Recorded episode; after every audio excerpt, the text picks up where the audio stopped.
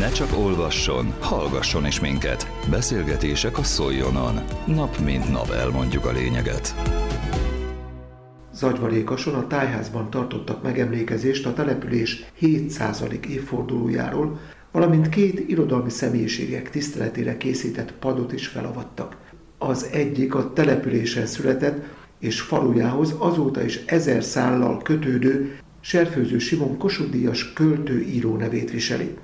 A helyszínen készült Kovács Berta hangképes összeállítása, amelyben Zimonyi Zoltánt hallhatják, aki az író költő munkásságát méltatta. Kedves Simon, Isten értessen, tartson meg egészségben, ihletben, olvasóit szeretetében. Költő, de írt novellákat, regényeket, szerkesztett folyóiratot, színműveket, hangjátékot is. Szerteágazó mennyiségileg és minőségében is az életmű, hál' Istennek még továbbra is nyitott. Az író vállalkozás. Öröklött képességei, az alkat, gyermekkorának emlékezett népesítő élményei, a tradíciók, a nemzet, akkor akarnak művé örökölni és hatni.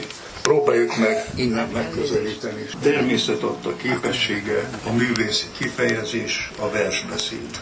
Ős tehetség, aki nem tanulta azt, amit tud, hanem magával hozza. A serfőző vers genezise tekintetében az ugyancsak ős tehetség Sinka István rokona.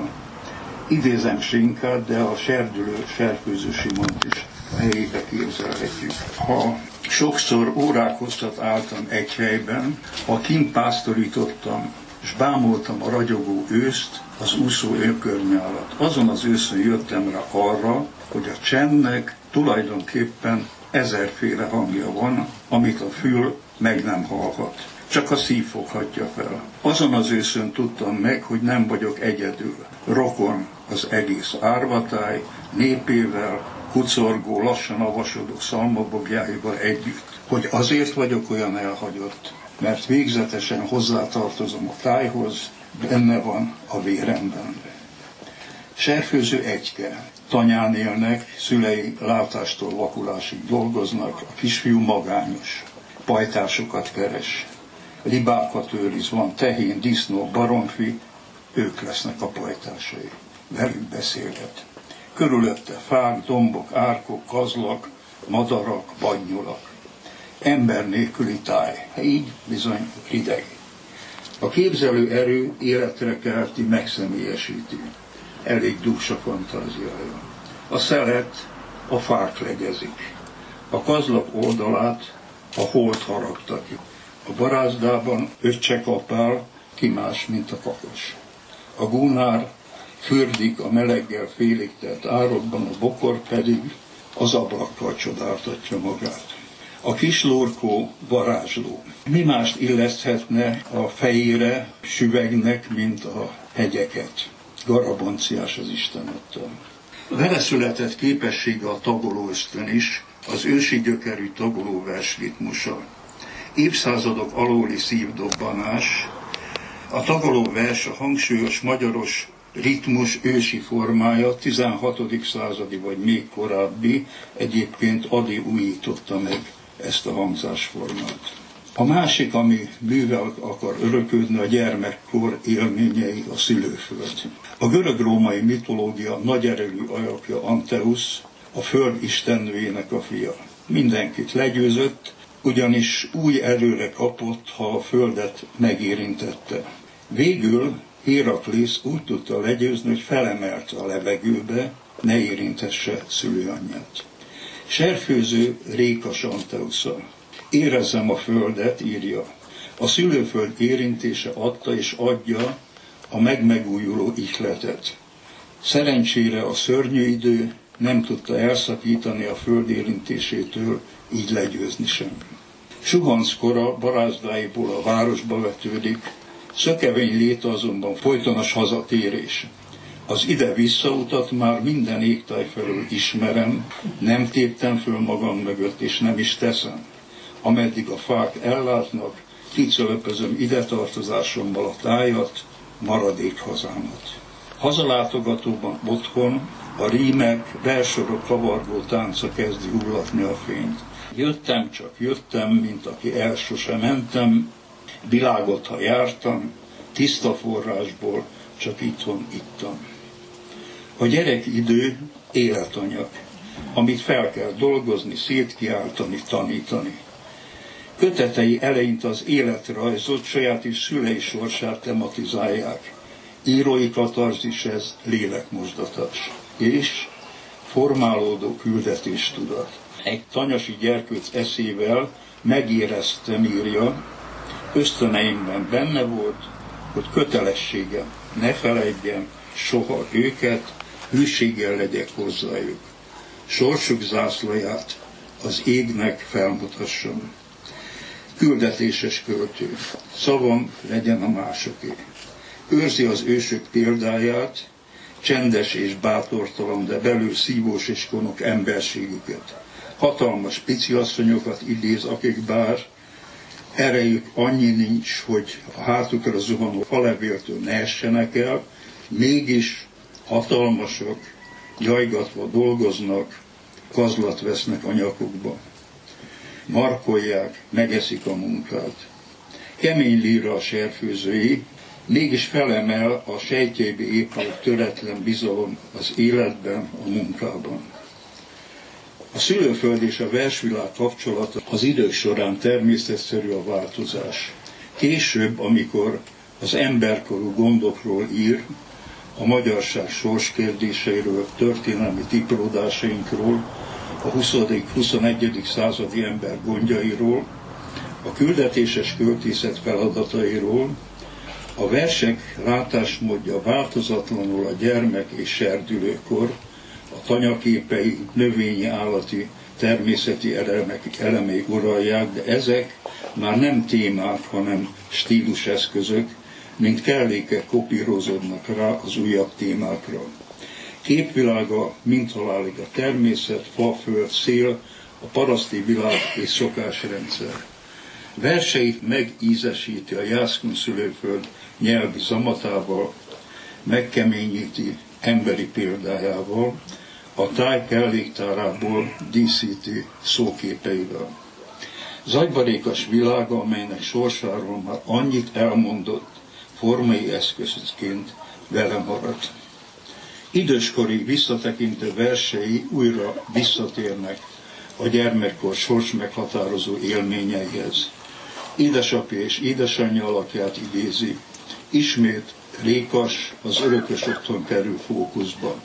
Újraéli panteisztikus természet élményét, a bocik pásztorolása közben naponta találkozott a természetben bújócskázó Istennel.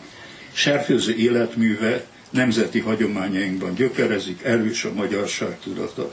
Példák százait idézhetnénk, de szerencsére itt rékasan erre nincs szükség, még gondolom eleven és friss az élményük, a község főterén hivatásos és helybéli amatőr előadók társulata mutatta be 2000-ben kirobbanó sikert aratva Szent István drámáját. Szent István látomásaiban felkavarog hazánk ezer éves sorsa, országvesztések, tatáris törökdúlás, idegen megszállás, levert forradalmak, háborús vereségek, trianon és diktatúrák, eltiport szabadságtörekvések. A király magyarság féltése oltalomkérő fohászokban öltestet. Idézem. Fegyverrel sem, semmilyen kényszerrel meg ne hódoltassunk. Ne váljunk kiszolgáló néppé, parancs végrehajtó néppé, soha. Martalóc népek martalékává, soha. Serkvéző hagyomány tiszteletét igazolja Csépócs Éva etnográfusnak ajánlott Hallomások című ciklusa. Mitológikus hiedelmeket, babonákat hív elő a falu emlékezetéből. Talán gyermekkorában hallotta, talán Pócséva gyűjteményében olvasta, a lényeg ismeri zagyvarékas hitvilágát, de nem csak ismeri, a vers erejével feléleszti, a szülőföldje emlékezetébe idézi, mint egy visszaadja. A népnemzeti hagyomány származása és erkölcsi elkötelezettségi okán nem csak öröksége, hanem folytatható és folytatandó küldetése. Serfőző Simon a két világháború között virágzó népirodalom útját járja, munkássága élő cáfolat, hogy a népi iránynak napjainkban nincs jog létjogú létjogosultsága, ahogy azt egyébként sokan szeretnék elhitetni. A költőnkés kora az utolsó eleme a vállalkozásnak. Sintér idő bélyegzi meg Simon az élete első nagyobb részét kitevő évtizedeket. Túlzás lenne? 1942-ben született, tombol a világháború, Donkanyar, 200 ezer honfitársunk pusztulása. Az ő emlékük, emlékművük feledésből készült. Édesapja is a frontra kerül, szerencsésen hazatér, a kisfia megrémül, ki ez az idegen? Sír. Nincs időnk, hogy végigkísérjük serfőzött a teljes korán.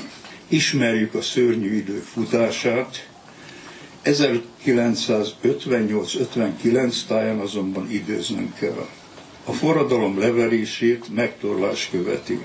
Lélegzet elállítóan ábrázolja Serfőző a Rémhírvívők című drámájában, a tanyára ülő dermet félelmet, amelyet a diktatúra tovább fokoz, hogy még nagyobbak üssön a falun. Felforgatja az ezer éves paraszti életformát, kollektivizálja a tulajdont. A jövő a jövőjétől kezd félni. A falu tanya elveszti távlatait, népe menekül, az erőltetett iparosítás olcsó munkaereje lesz, városok ágyra járója otthontalan. Ez már serfőző megélt sorsa. Amit szülei építettek, összeomlik. Az erőszak és rémület ellenére azonban a szülők nem lépnek be a TSZ-be, fiúk nem tanul tovább, betanított munkás lesz. Édesapja az eltagosított jóföld helyett silányságot kap, leadja, kénytelen építkezéseken segédmunkát vállalni. A költő érzékeny műszer, veszi a világ jeleit, és képes ezeket a nyelv erejével felerősíteni, továbbítani. A nagy költészethez azonban kell még valami. A gerinc. Mit akar, vagy nem akar meghallani a jelekből, és mi az, amit felerősít, továbbít, vagy mit hallgat el. Serfőzőnek van gerince. Hiteles tanulja a sintér időnek. Nem csak a maga sorsát vállalja, sorra veszi a hazadolgait, a megalázott, kirabolt falut, a parasztot, a munkást, az értelmiség ellenes politikai terrort, az erkölcsi rombolást, a megalkovást, a hallgatást, az anyagiasságot, gyermektelenséget, trianont, a szegénységből elvándorló, otthontalanná váló népet.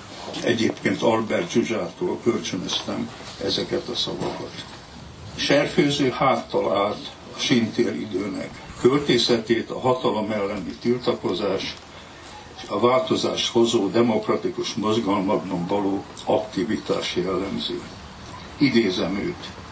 Az írónak az a dolga, hogy kimondja az igazságot, hogy megírja a kollektív sérelmeinket. Így tudunk csak tenni valamit. Én a szavam erejével tudok csak vigyázni erre a világra. Köszönjük, Simon. Őrzők, vigyázzatok a. És most hozzád szólok közvetlenül, Simon. Pillantásod a napi legyen, ébredésed a reggelekként, lépteiddel utak haladjanak, szabad legyen a második. Isten értesse. Az előző percekben Kovács Berta hangképes összeállítását hallották, amely zagyvarékason készült. Közélet, politika, bulvár. A lényeg írásban és most már szóban is. Szóljon a szavak erejével!